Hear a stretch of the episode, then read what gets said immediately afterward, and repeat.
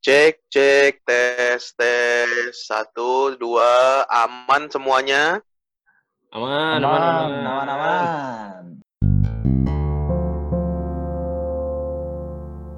Oke, balik lagi bersama kami di sini di Sukacita Podcast. Bersukacitalah.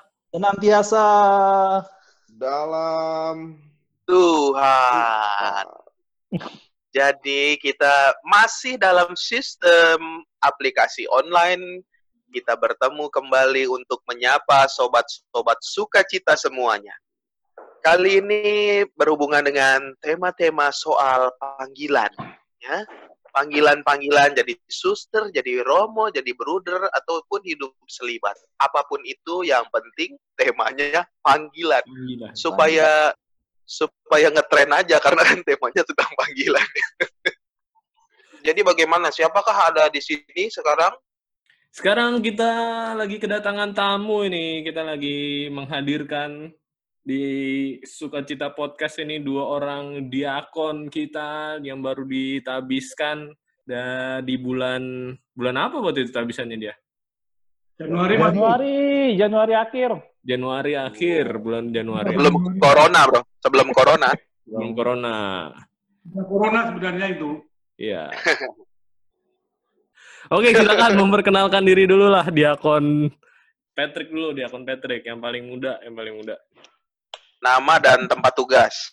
Iya, gua Diakon Patrick. Sekarang gua lagi masa diakonat di Gereja Bojong Indah, Santo Thomas Rasul. Terus gimana lagi? Apa Lagi. Oh, udah itu aja. Orang juga nggak mau tahu lu terlalu jauh. sebenarnya sudah cukup ya. Lalu satu diakon lagi siapa? Diakon siapa? Ya, perkenalkan saya Diakon Kamel. Saat ini lagi menjalani masa studi menyelesaikan S2 di SF Jakarta. Gila lu, lu pinter banget masih studi lu. Studi terus. lu. jadi diakon males lu studi. Iya loh, gila. Studi terus. Nih teman-teman, pas- eh, sobat-sobat patut dicontoh ya. Walaupun udah mau jadi imam, tetap harus studi dia. Ya, luar biasa emang. Jadi kita langsung aja lah nih kita tanya-tanya lah dengan diakon ini seputar panggilan, seputar minggu panggilan dan semacamnya. Ya, kita akan tanya-tanya diakon terkait dengan kehidupan ataupun pengalaman panggilan mereka ini. Karena mereka berdua ini unik ya. Mereka berdua ini udah pernah bekerja terlebih dahulu, baru kemudian menjadi frater ataupun menjadi calon imam ya. Ini bisa mulai diceritakan kali ya, kena- kenapa sih kok awalnya tadinya udah kerja seperti apa, suksesnya kayak gimana? Coba dong diakon Patrick nih, gimana ceritanya nih? Iya, gua kan kerja tiap malam pulang kerja itu balik ke kosan, tidur lagi. Terus hari Minggu, biasanya Jumat, malam Sabtu, malam Minggu tuh udah keluyuran gitu ya. Eh, clubbing di daerah-daerah Jakarta gitu dah. Pokoknya mulai dari Jakarta Selatan sampai Jakarta. Mana? Kolosium, Kolosium ya? Swilhouse ya? Aku pernah, malah. Mi- mixologi, mixologi bukan? Itu belum ada, tahun itu belum ada. Warteg Belum ada ya? bahagia ya? Warteg bahagia ya? Mixologi. Apa di di Fabel ya? Di Fabel, di Fabel di di mana? Gokil nih anak selatan nih, ngerti banget. Yo, itu. Yang Ya, di Citos pokoknya- pernah nggak, Patrick? Yang di Citos pernah nggak? Digital itu untuk kalangan tertentu ya bro. Mereka harus punya Oh, Berarti Iya, iya, dulu, iya. dulu fuckboy ya berarti ya? itu bukan fuckboy ya, fucek, fucek, fucek. oh, pucek. Apa tuh pucuk? Terus Jadi lanjut, lanjut- lanjut, lanjut. Jadi ketika kayak situasi kayak gitu, jadi pulang kerja tidur pagi berangkat lagi, nggak ada juntrungnya gitu. Suatu ketika dalam perjalanan pulang itu apa ya? Kok ada sesuatu yang kurang gitu? Apa nih? Eh, pokoknya ada pergolakan batin dah. Terus suatu ketika gua ke katedral ke patung Pieta itu berdoa apa yang Tuhan perkenankan buat gua di hidup gua gitu. Ya udah, suatu ketika gue lihat flyer seminari tinggi ada di Santo Agustinus Karawaci itu tahun 2007. Eh, sebenarnya gue nggak niat, tapi temen gue ke kantor gue ngajak hari itu juga gue langsung berangkat sama temen gue. Jadi intinya kalau gue lihat perjalanan gue itu ya panggilan itu adalah misteri bro. Terus? Setiap orang nggak tahu ya kapan kapan dipanggilnya. Ya kalau gue sih hidup yang gue jalani cuma sekali. Apa salahnya sih berbuat baik untuk orang banyak? Salah satu jalan jalannya adalah menjadi imam itu. Oh, berarti waktu lo kerja, ini kan udah kerja berapa tahun tuh waktu itu tuh sebelum masuk ke seminari? 11 tahun ya. 11. Ya, kurang lebih 10-11 tahun. 10 11 tahun ya. Berarti Iya. pas itu kan lo pulang kerja, pulang terus head on head on clubbing gitu ya. Cuman gitu-gitu doang hidup lo terus lo merasa jenuh ya. Iya, betul. Kayak Berarti kayak- panggilan itu pelarian doang dong lo. enggak dong, enggak bisa. Oh, nggak bisa. Kan proses. Prosesnya kan bro yang mesti harus dilihat. Jangan dilihat yang sekarang ya, proses yang dialaminya itu. Lah kan dari jenuh terus ah jenuh nih ah kayaknya ah ya, mungkin panggilan gitu kan. Enggak, enggak, enggak bisa seperti itu juga. Masih masih ada step-step di mana eh, gua pencarian gua itu adalah eh, ya mungkin Tuhan untuk mempersiapkan lu nikmatin dulu lah eh, apa yang ada di tempat tempat-tempat orang-orang Jakarta clubbing itu. Ya, gue bisa melihat bahwa yaitu orang-orang kita, umat-umat kita pasti di situ. Oh berarti akhirnya ketika lo yang jelas pengalaman jenuh terus kemudian diolah dan akhirnya menemukan jawabannya di perjalanan di seminari gitu ya kurang lebih ya. Ya, Nah, sekarang lu kepengen lagi nggak kayak gitu, bro? enggak ya. Pengen, pengen lah. Jujur aja lah. Enggak, serius enggak. Oh, Nggak ada. Oh. Sekali lagi enggak. Maksudnya Rovano tuh kalau pengen lagi dia, dia minta diajak sebenarnya. iya dong. Dia, dia mau belajar, dia mau belajar dia. Gua kan, gua kan, gua kan buta soal itu, Om. Kan udah, kita pernah berlima kan? Oh, oh, kapan ya? Udah lupa. Orang-orang ini ya, orang-orang ini ya ke Kelapa Gading ya. Itu mah ke rumah hantu bro. Gue gue ingat. Oh, Yang di iya, rumah hantu itu kan coba, udah lihat itu ketahuan. iya kita berenam ya waktu itu ya ke rumah hantu ya. Iya, orang-orang ini juga. Kamel, ya kita-kita ini kan. Zaman ke rumah hantu itu ya. Naik Iya. sepeda lagi. Niat banget naik sepeda. Coba diceritain lah tuh kenapa tuh rumah hantu coba. Anu, Hantu. Kamel lah yang cerita Kamel, Kamel. Iya. Korban dia. Iya, iya, Kamel, Kamel. Itu buat acara nanti malam bro, gue simpen. apa-apa. Komedi. Ini kan baru Ah, di itu di apa ya, di broadcast kalau niat aja. pengalamannya tuh menarik. Para frater malam mingguan jalan-jalan ke mana bingung. Eh ada satu orang bilang kita ke Kelapa Gading yuk. Ada hal yang menarik tuh. Kita mikirnya Kelapa Gading mau ngapain nongkrong-nongkrong. Eh taunya diajak ke rumah hantu. gitu sih ceritanya. Yang yang ada enam ya waktu itu ya Romo Fano, Romo Bekti, Romo Almo, Romo Braha, ini pertama ini. Dan orang yang paling berani tau nggak siapa? Gua. Enggak gini-gini. Kita kan waktu itu berenam ya, berenam kita sepedaan kan. Habis Jumat pertama itu acaranya. Kita habis Jumat pertama sepedaan balik dari dari Purhita kan tuh ke rumah hantu, ke rumah hantu Gading. Kita berenam. kita pilih kita pilih kapal hantu loh waktu itu ada dua pulau Iya. hantu sama kapal Kapal- hantu kita pilih iya. kapal hantu Kapal hantu. Enam orang cowok semua. Nah, depan kita yang ngantri itu ada tiga orang cowok cewek ya trik ya. yoi, ceweknya di depan. Heeh. Jadi yang ngantri itu di depan gua, Patrick, belakangnya Patrick siapa ya? Pano kali ya. Paling belakang Pano, Bekti. Kamel paling paling belakang. belakang Belakangnya Patrick gua, tengah. Iya, tangan betul betul lu kan nomor tiga. Kamel paling belakang. itu pas ngantri aja, itu ba- baru pas ngantri tuh cewek di depan udah ngomong ke gua. Mas nanti bareng-bareng ya, dia ngomong gitu kan tuh cewek kan. Iya iya iya. Tapi tiba-tiba dia ngelihat Patrick lagi pegangan tangan ke gua saking takutnya. Baru mau ngantri aja, udah kayak gitu dia. Padahal itu kan nggak boleh rame-rame kan masuknya tuh. Iya. Jadinya tuh cewek bingung nih, nih, nih cowok-cowok pada penakut semua nih udah pernah ngeliatin gitu. Padahal badan gede, muka sangar. Tato lagi. Ada tato lagi. Ada tato lagi. Tapi di antara berenam itu yang paling takut tuh hanya satu orang yang paling takut. Ya lu.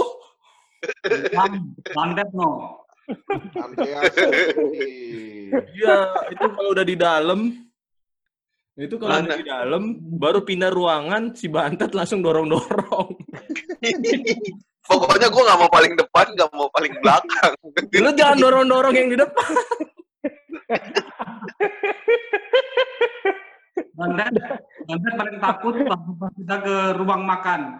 Iya, iya, iya, iya. gebrak-gebrak di dapur, coy. Gebrak-gebrak di dapur. Eh, kita kedatangan tamu nih, bro. Woi, mantap. Tambah lagi ya. Halo, halo, Robertus Guntur, Robertus Guntur. Oh, Wow, baru bangun tidur dia. Luar Kenalan dulu dong, Kita kenalan. tamu langsung. Eh, kamu belum berkenalan. Udah tadi. Udah, Udah, dulu semua. masih belajar. Belum mulai cerita aja dia. Tapi dia belum cerita aja hantu dia. udah. Woi, ganteng banget lo? Robertus. Mana? Oh, Guntur ganteng. Kenalan dulu, Tur. Kurus banget ya. Siapa Marah Anda? gimana? Kan siap-siap mau jadi ini, mau jadi tentara, kurus lah. Manu, waktu, waktu Itu, itu ruangannya di mana sih, Tur? Ruangan mana sih, Tur? anjing nggak bisa pulang aja Weh, ada diakon diakon nih. Wah, orang-orang suci, orang-orang tertabis, luar biasa. Yang menanti kapan tabisan. Nanti kapan tabisan ya. Kapan pulang anjing? Sampai pulang di bisa disensor nggak nih? Omongannya Guntur anjing anjing. Gak apa-apa, santai aja. Nanti kita potong semua ini. perkenalan, Ini lanjut aja dong. perkenalan, perkenalan buat sahabat, Perkenalan sahabat sukacita ini. Ya, nama saya Diakon Guntur. Ya. Tugas Sebab eh, itu pertusan studi. Woi, Ini juga studi, coy. luar biasa ya, Ya. sobat-sobat. Ternyata diakon Guntur ini masih studi ya luar biasa. Di mana? Di mana? Di mana? Di mana? Gue pengen denger. Di Sakara Dharma. Sakara Dharma. Bergengsi sekali ya. Kirain angkatan udara. Iya. Dulu kan inspirasinya gara-gara ada helikopter mendarat di Mertoyudan Iya. itu. Gue rasa itu yang ditangkap panggilan itu. Menang. Mantap. Lanjut bro, lanjut. Lanjut ya, kita lanjut ke ini ceritanya Kamel nih. Tadi kan baru Patrick dia. Ceritanya Kamel. Ya, Kamel dulu lah. Jangan cerita ditarik-tarik setan lagi, udah cukup Mel. Sekarang cerita mengenai panggilannya. Kamal masih hidup kamu. Kamel Oke. coba ceritakan perjalanan panggilan lo dulu yang kerja, yang titik baliknya apa Mel? Dimulai dari mana ya? Dari kecil, Dari nol aja. di keluarga, gue dikenal orang yang suka doa. Jadi kalau ada apa-apa, gue paling mengajukan diri. Siapa yang mau doa? Saya, saya, saya. Terus dibina iman lingkungan. Wah, semangat banget kalau acara itu. Jadi berangkat paling awal, jemputin teman-temannya satu-satu. Sampai disindir sama anggota keluarga. Wah, kamu kalau gitu nanti gede jadi imam aja.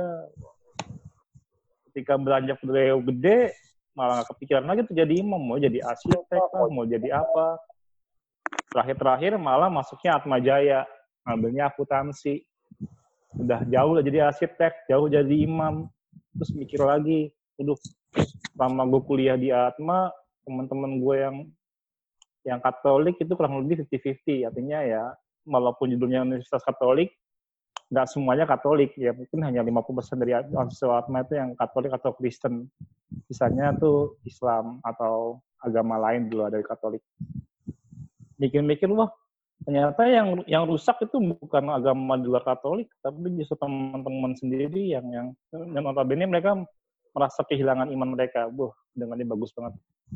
Mereka nggak berjalan ke gereja, ke gereja cuma karena diajak, itu pun karena wah Mel, lu bagus nanti kalau gede jadi imam aja nanti kalau udah lulus.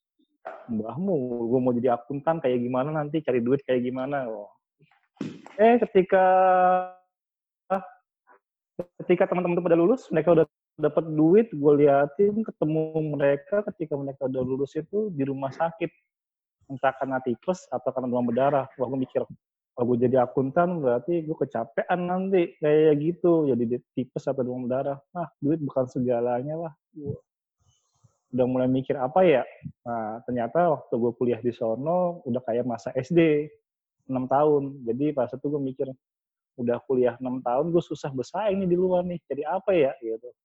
Kalau tadi Graha bilang, wah bisa pelarian dong lu, bisa jadi pelarian kali gue jadi imam. Jadi mikir-mikir Tuhan yang yang profesi apa yang yang rame tapi peminatnya kurang.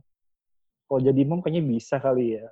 Jadi gue pada saat itu coba tawar menawar sama Tuhan. Sampai gue lulus dari Atma, gue masuk jadi seminari tinggi. Eh, kenyataan, ternyata pada saat gue bilang kayak gitu, pelan-pelan Tuhan ngasih jalan, sampai pada akhirnya gue nggak bisa ngomong, nggak bisa berkilah lagi. Oh iya, ternyata emang bener Tuhan mau jadi imam. Di situ gue bilang, Tuhan saya nggak mau lulus Atma langsung jadi imam ya, saya mau coba kerja dulu. Kerjanya dari yang paling bawah aja, jadi kuli kayak atau jadi buruh apa, tapi jangan jadi kuli beneran, susah nanti saya nggak bisa macu.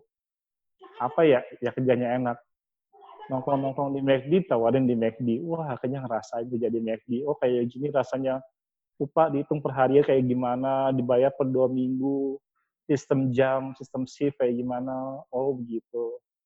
Tuhan saya udah S1, pengen kerja kayak gimana, karyawan di kantoran, dikasih kerja kantoran di daerah Mangga Dua. Di situ udah puas, waduh, mungkin saya nggak boleh main-main dulu, ya udah saya coba ya Tuhan, saya masuk saya tinggi. Mau masuknya tarekat, tapi ketika saya tanya ke Romo Tarekat itu tentang pendaftaran, Romonya itu bilang, kamu selesai dulu kuliah kamu. Waktu emang saya belum selesai kuliah. Jadi saya udah jiper sama baper duluan. Wah, kalau kayak gitu nggak mau saya masuk Tarekat itu. Orang saya mau cari tahu kok malah di nggak dibolehin. Akhirnya saya pilih apa ya? Pilih ikut retret panggilan Keuskupan Agung Jakarta. Rata-rata panggilan menjadi imam Keuskupan Agung Jakarta. Saya ingat banget judul posternya itu itu gambarnya gereja katedral. Wah, saya pikir poster letter panggilan untuk menjadi imam di Jakarta yang ada banyak imam-imam tarekatnya. Jadi saya pikir saya akan ikut bazar bazar panggilan gitu. Jadi nanti saya tinggal pilih mau pilih Karmelit, mau pilih apa, mau pilih apa gitu. Ternyata pada saat saya ikut itu adalah untuk menjadi imam projo di mana itu retret hanya diikuti oleh empat peserta. Saya langsung mikir tuh, 56 paroki hanya ada, waktu itu masih 60 kali ya, 60 paroki 2009, 2010. Ya pokoknya masih 60 paroki, tapi yang tertarik untuk ikut retretnya cuma empat orang. Wah, itu saya cobalah. Eh pas di awal Romonya bilang, ini mau jadi Imam Projo Jakarta ya. Apa yang kalian tentang Imam Projo Jakarta? Wah, saya ingat tentang Romo saya yang di Atma Jaya sebagai pengajar dengan dia bangga-banggain tentang pengalaman dia studi di luar negeri dan pengalaman dia di paroki seperti apa. Saya bilang ke Romonya pada saat itu, Romo Projo itu adalah Romo yang sombong-sombong. Ya, kemudian dijabarkan pelan-pelan karena cuma empat orang jadi kayak khusus pada saat itu. Ya, dan proses berjalannya boleh juga ya menjadi Imam Projo Jakarta ya. Begitu Romo-Romo. Luar biasa, luar biasa. Mantap. Mengharukan, mengharukan. Podcast kita nih baru kali ini nih serius banget, Bro. Mantap. Akhirnya podcast kita berfaedah ini ya. Iya. Akhirnya. Luar biasa, mantap. Di itu udah diem tadi. Pas mendengarkan tuh sambil membayangkan gitu loh apa yang terjadi begitu ya. Iya. Luar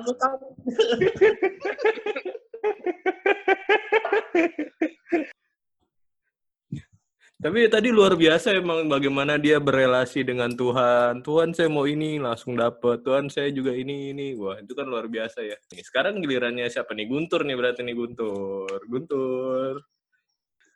Kalau mau jadi Romo pertama-tama karena Romo paroki.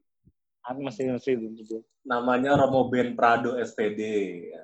Jadi sejak kecil tertarik sama Romo ini dia sudah agak tua, sekarang sudah meninggal. Jadi ketika kelas 5 SD beliau datang ke rumah saya untuk saya masih ingat itu ngadain kita misa lingkungan di rumah lalu beliau nggak mau dijemput.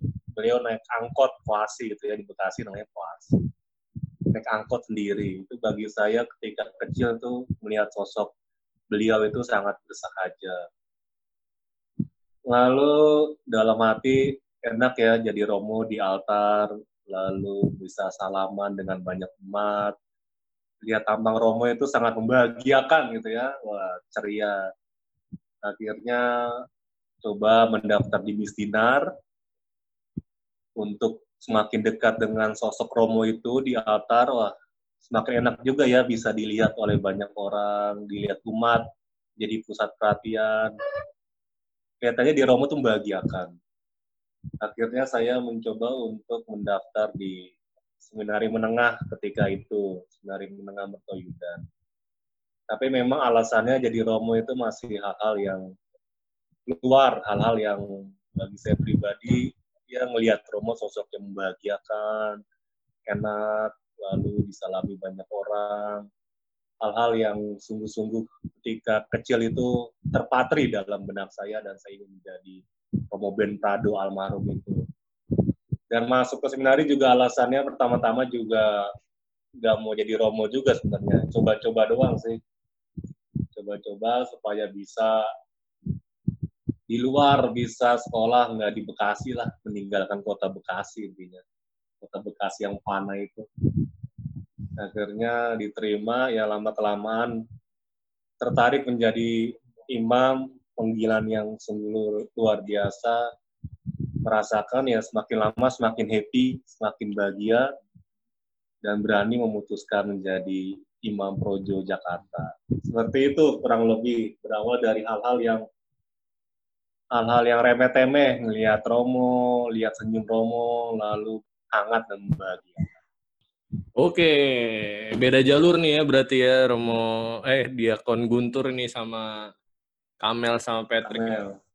Kalau Patrick sama Kamel dia kerja dulu. Kalau Diakon Guntur nih udah dari lulus SMP. Dia ingin melarikan diri dari Bekasi. Saya juga sebenarnya pengen melarikan diri dari Bekasi. Nggak pernah, nggak pernah merasa betah saya di Bekasi ini kayaknya. Gimana teman-teman yang lain ini? Pindah ke selatan dong. Hah? Pindah ke selatan dong. Iya pindah ke selatan. Pindah ke selatan. Kutub Selatan kan, Kutub Selatan. bagus bagus banget Eh, cerita-ceritanya ya background background tapi seputar pertanyaan gitu kan udah kerja udah punya duit gitu ya, udah punya fasilitas hidup bicara soal percintaan pernah nggak sih kalian-kalian itu ya pasti pernah lah jatuh cinta terus menanggapinya gimana cinta di waktu yang salah Dari gue ya. Cinta itu nggak pernah salah loh bro. waktunya yang salah bukan cintanya bro Waktunya yang salah. Cinta itu nggak salah. Coba nyanyi dulu dah, nyanyi, nyanyi, nyanyi. Kalau eh gue sampai dalam titik serius ya waktu itu ya. Danau yang ada di Serpong itu, Pano tahu kali? Tahu nggak Pano? Yang di eh, keris itu, pabrik keris. Oh, Danau itu. Hmm. Danau Gading Serpong gua taunya. Aduh, Ah, iya, di Serpong itu. Nggak tahu gua namanya. Pan- Ah, ah. Kenapa lu pacaran di situ dulu? itu final final destination untuk mutusin kalau gua bilang sama dia gua pengen masuk jadi imam jadi seorang imam itu Hmm. Tapi lu nggak diceburin. di danau itu terus dia nggak mau gua anterin dia jalan sepanjang Jalan Serpong itu, Serpong. Dia nggak mau, ya sudah, gue tinggal ya. Gue balik ke kosan gue, gue tidur. Dan ya gue sadar sih, eh, apa ya, menyakiti hati perempuan, sadar sepenuhnya waktu itu. Karena besoknya, masih besok-besoknya dia masih telepon, masih dengan nangis dan lain sebagainya. Itu dengan kekerasan hati gue ya nggak gue tanggepin. Terus apa ya, karena pilihan gue untuk jadi imam, ya sudah, itulah yang harus gue hidupi. Gue nggak bisa untuk berjalan di dua arah. Artinya ketika kita memutuskan untuk menjadi imam, ya sudah, lakukan satu jalan itu. Gue menanggapi percintaannya seperti itu bro, memang berat sih pada waktu itu. Gue juga berat, dia juga berat, tapi situasi nggak bisa memilih. Oh, tapi sekarang tuh cewek udah nikah belum? Udah, anaknya udah dua, dia, dia udah di Padang ya. Oh, berarti dia menikah dengan orang yang tidak dicintainya. Lu tanggung jawab lu, Trik. Berat, berat. Iya ya, itu itu eh, quote yang bagus banget itu. Quote yang bagus. Menikah dengan orang yang tidak dicintai. Itu berarti Begitu. terjadi setelah memilih ya, memilih terus kemudian memutuskan untuk masuk ya kan. Iya. Hmm. Kalau selama perjalanan di seminari pernah lagi nggak? Perjalanan seminari gimana icip-icip. Perjalanan seminari enggak? Mungkin ada yang pernah bisa di-sharingkan itu Guntur dan senyum-senyum aja. Ala bomba lu. Nah, kalau Guntur mungkin ya kali ya Guntur. Guntur, katanya pernah Guntur ya? Pernah tidak bertanggung jawab.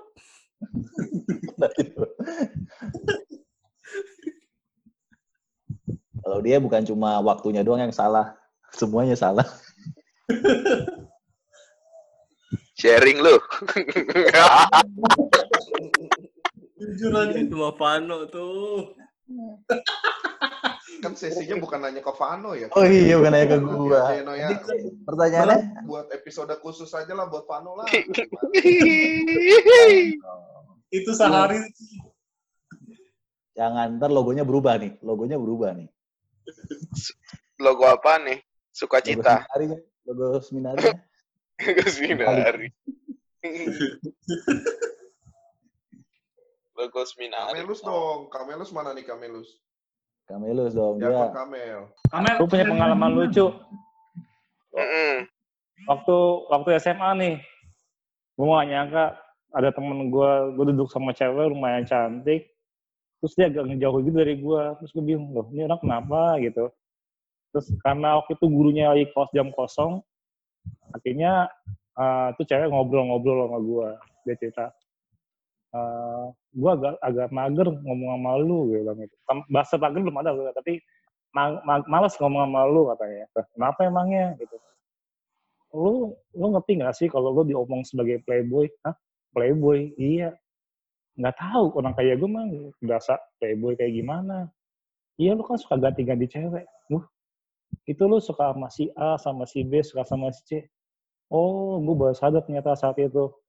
Orang lihatnya gue gonta-ganti cewek, padahal yang kenyataannya pada saat itu gue sebagai tempat sampah buat cewek-cewek itu. Jadi kesannya gue milih A, B, dan C ganti-ganti gitu. Padahal ya ribet banget. Udah jadi tempat sampah, pakai domong playboy lagi. Sampai tuh cewek nggak mau sama gue, ya ayolah, ya udahlah. Resiko kali ya. Nah, bener kejadian sampai gue kelas 3, ada kelas 1, cewek kelas 1, adik kelas gue gitu. Ngobrol sama gue, terus dia, dia bilang, eh, seneng ternyata ngobrol sama gue. Gue bilang, "Kok jangan, jangan, jangan sampai ntar disalahartikan lagi nih guanya. Nah, ternyata tuh cewek juga udah, udah main hati sama gua. Jadi ketika dia jadian, dia malah menjauh dari gua. Iyo, udah dikadalin gua, udah dari sampah sampah, diinin lagi. Jadi istilahnya kalau ngomong cinta-cinta, bukan hal yang menyenangkan. Kebanyakan gua jadi tempat sampah cewek. Sampai akhirnya dia nikah. Nah, yang menariknya adalah ketika dia nikah, gue udah masuk seminari tinggi gitu. Itu temen angkatan gue udah tahu tuh tiga ekor itu. Bekti, Vano itu gimana situasinya. Gue masih tingkat satu, hari itu adalah UTS, apa, hari, masa itu adalah masa UTS, gue dapet undangan, undangan bahwa dia akan nikah. Gitu. gue pura-pura tegar jadi ketika temen gue nganterin gue bilang iya anterin aja nggak apa-apa kalau undangan doang mah gue terima perkara datang apa enggaknya gue nggak mau nggak tahu gitu nah terus teman-teman gue gak gue kasih tahu jadi ketika undangan tuh datang diantar gue taruh masuk kamar gue buka undangannya gue baca nama dia dan nama cowoknya. Aduh. Aduh udahlah. Kunci pintu gue tidur. Pada saat pernikahan gue datang eh, untuk dia. Itu datang juga sebenarnya nggak diizinin juga sama Rom Pamong. Pada saat itu Romo Tunjung bilang nggak nggak boleh kamu. Nanti kamu bisa nggak move on sama masa masa lalu kamu. Wah. Ya bener tapi gue nekat aja datang dia nikah di Santo Yosef Matraman gue datang persis gue datang kayak di bagian film-film sinetron gitu. Di bagian ketika Romonya bilang apakah dari saksi dan saudara-saudara sekalian keberatan untuk mereka menikah? Wah udah mau heroik aja pada saat itu. Tapi gue mikir cowoknya kok dilalah pada saat sebelum itu udah ngeliat gue datang gitu. Jadinya dia udah merasa panik mungkin setelah saat itu gitu ya akhirnya dengan berat hati gue tidak sampai selesai misa gue balik ya ya gitulah kenyataannya bahwa cinta yang sungguhnya adalah cinta yang mau mengorbankan uh manis bahasanya mau melepaskan. Anjay. Cinta yang mau mengorbankan, gokil lah. Ternyata lu fuckboy juga ya. Iya, kacau juga. Gak percaya kan lu kalau gue ngomong kayak gini. Pucet juga. Pu- Pucek juga ya. Ternyata. Pucek. Tapi jadi tempat sampah tadi ya Kamel ya buat ini ya, buat cewek-cewek berarti ya. Tempat sampah buat cewek-cewek. Sampah Sampai sekarang kan, sampai sekarang, sampai sekarang jadi tempat sampah buat cewek-cewek kan. Yang disakitin Pano, ntar sharingnya ke Kamel gitu kan, makan ya. Yang disakitin iya sih Amo. udah ngerasain juga. Prap, itu fotonya kayak gini, Prap. I- Iya, iya. Udah terima aja, udah foto-foto kayak gitu. Tunggu aja jadwalnya. Paling kayak gitu tuh. Lanjut, terus. Lanjut, Guntur.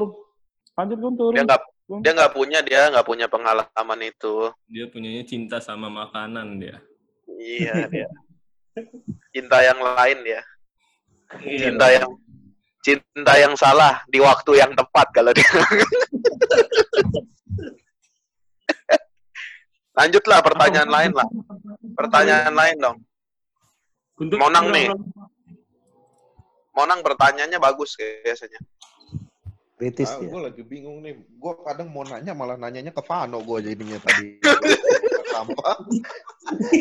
Lu lu hilangkan hilangkan imajinasi lu di eh, imajinasi gua di kepala lu dulu. Coba coba coba. Monang monang. Nah, kalau gue pengen nanya mengenai kesibukan para diakon nih kan. Lagi PSBB begini nih, kita kan ngapain aja sih? Apalagi kan ada yang dua studi, ada yang satu di paroki. Ngapain sih nih para para diakon ini? Boleh dong, sharing-sharing nih para diakon.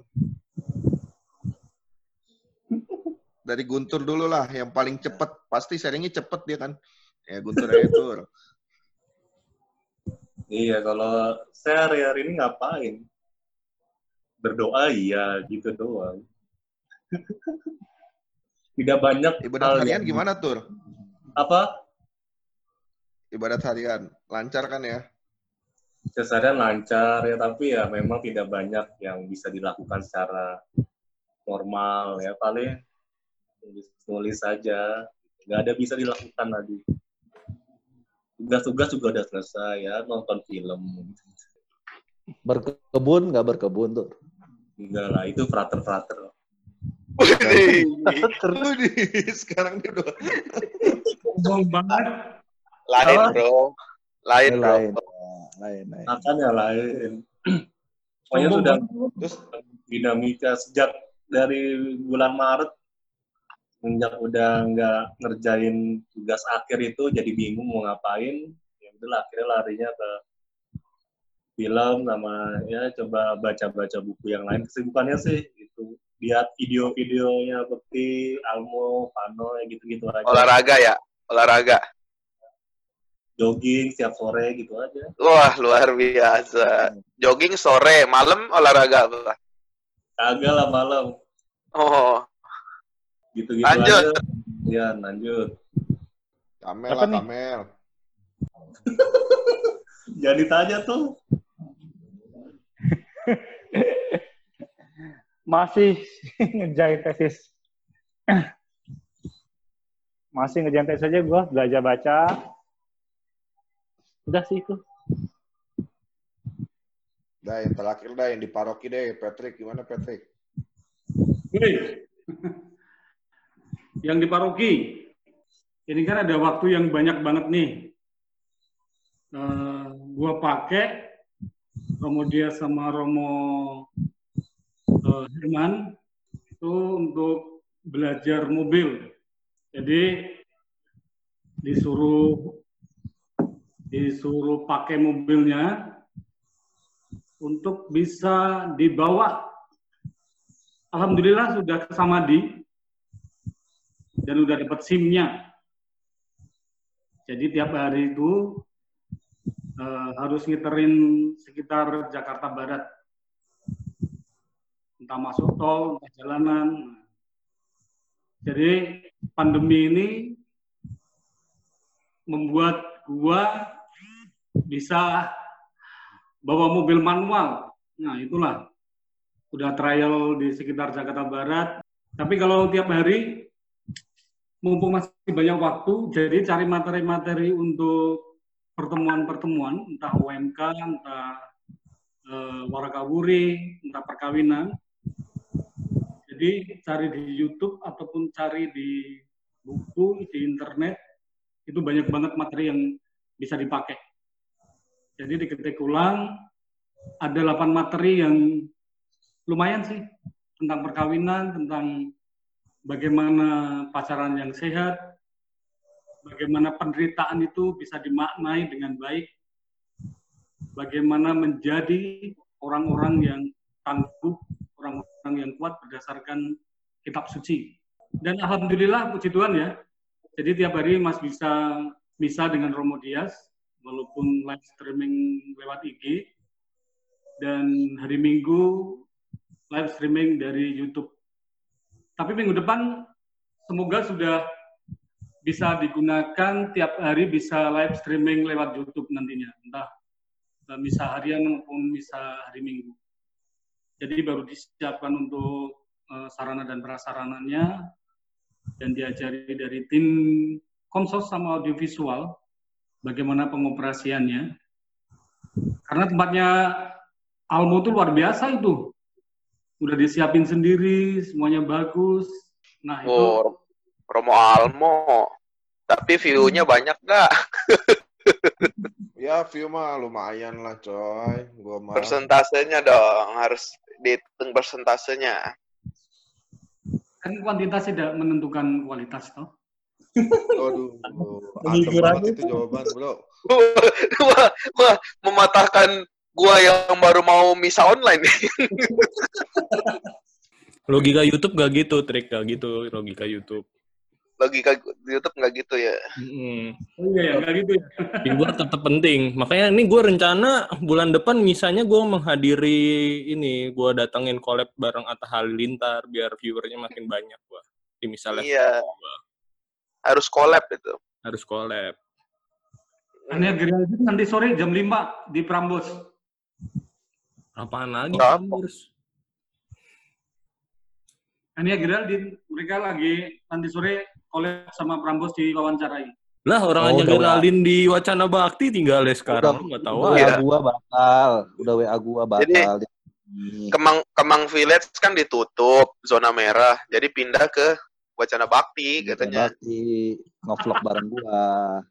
Apartemennya kan di Kemang Village. Luar biasa semua, mantap lah pokoknya.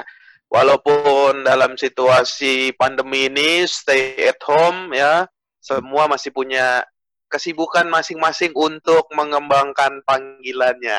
Asik gak? Mantap. ya memang begitu ya. Kalau tadi kita mendengar kisah-kisah panggilan itu, kita bisa merenungkan bagaimana Roh Kudus bekerja di dalam kehidupan panggilan para pelayan-pelayan ini ya. Patrick Iya. dan Guntur juga. Jadi walaupun udah melanglang buana ke mana ke mana sudah punya macam-macam hal, tapi kalau Tuhan sudah memilih, kita nggak akan bisa lari, bro. Ya, sip. Ya. Oke. Jadi tenang aja yang masih belajar, yang belum bisa pulang ya, yang di Jogja, yang masih kuliah, yang masih tulis tugas akhir, tenang aja. Kalau Tuhan udah menentukan, udah memilih kalian-kalian, asik. Pasti akan dimudahkan jalannya. Anjir.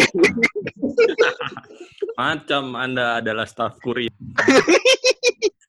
Langsung sebagai penutup dari ngobrol-ngobrol ngalor ngidul kita ini tentang panggilan, kita langsung mendengarkan motivasi panggilan dari yang punyanya pabrik panggilan ya.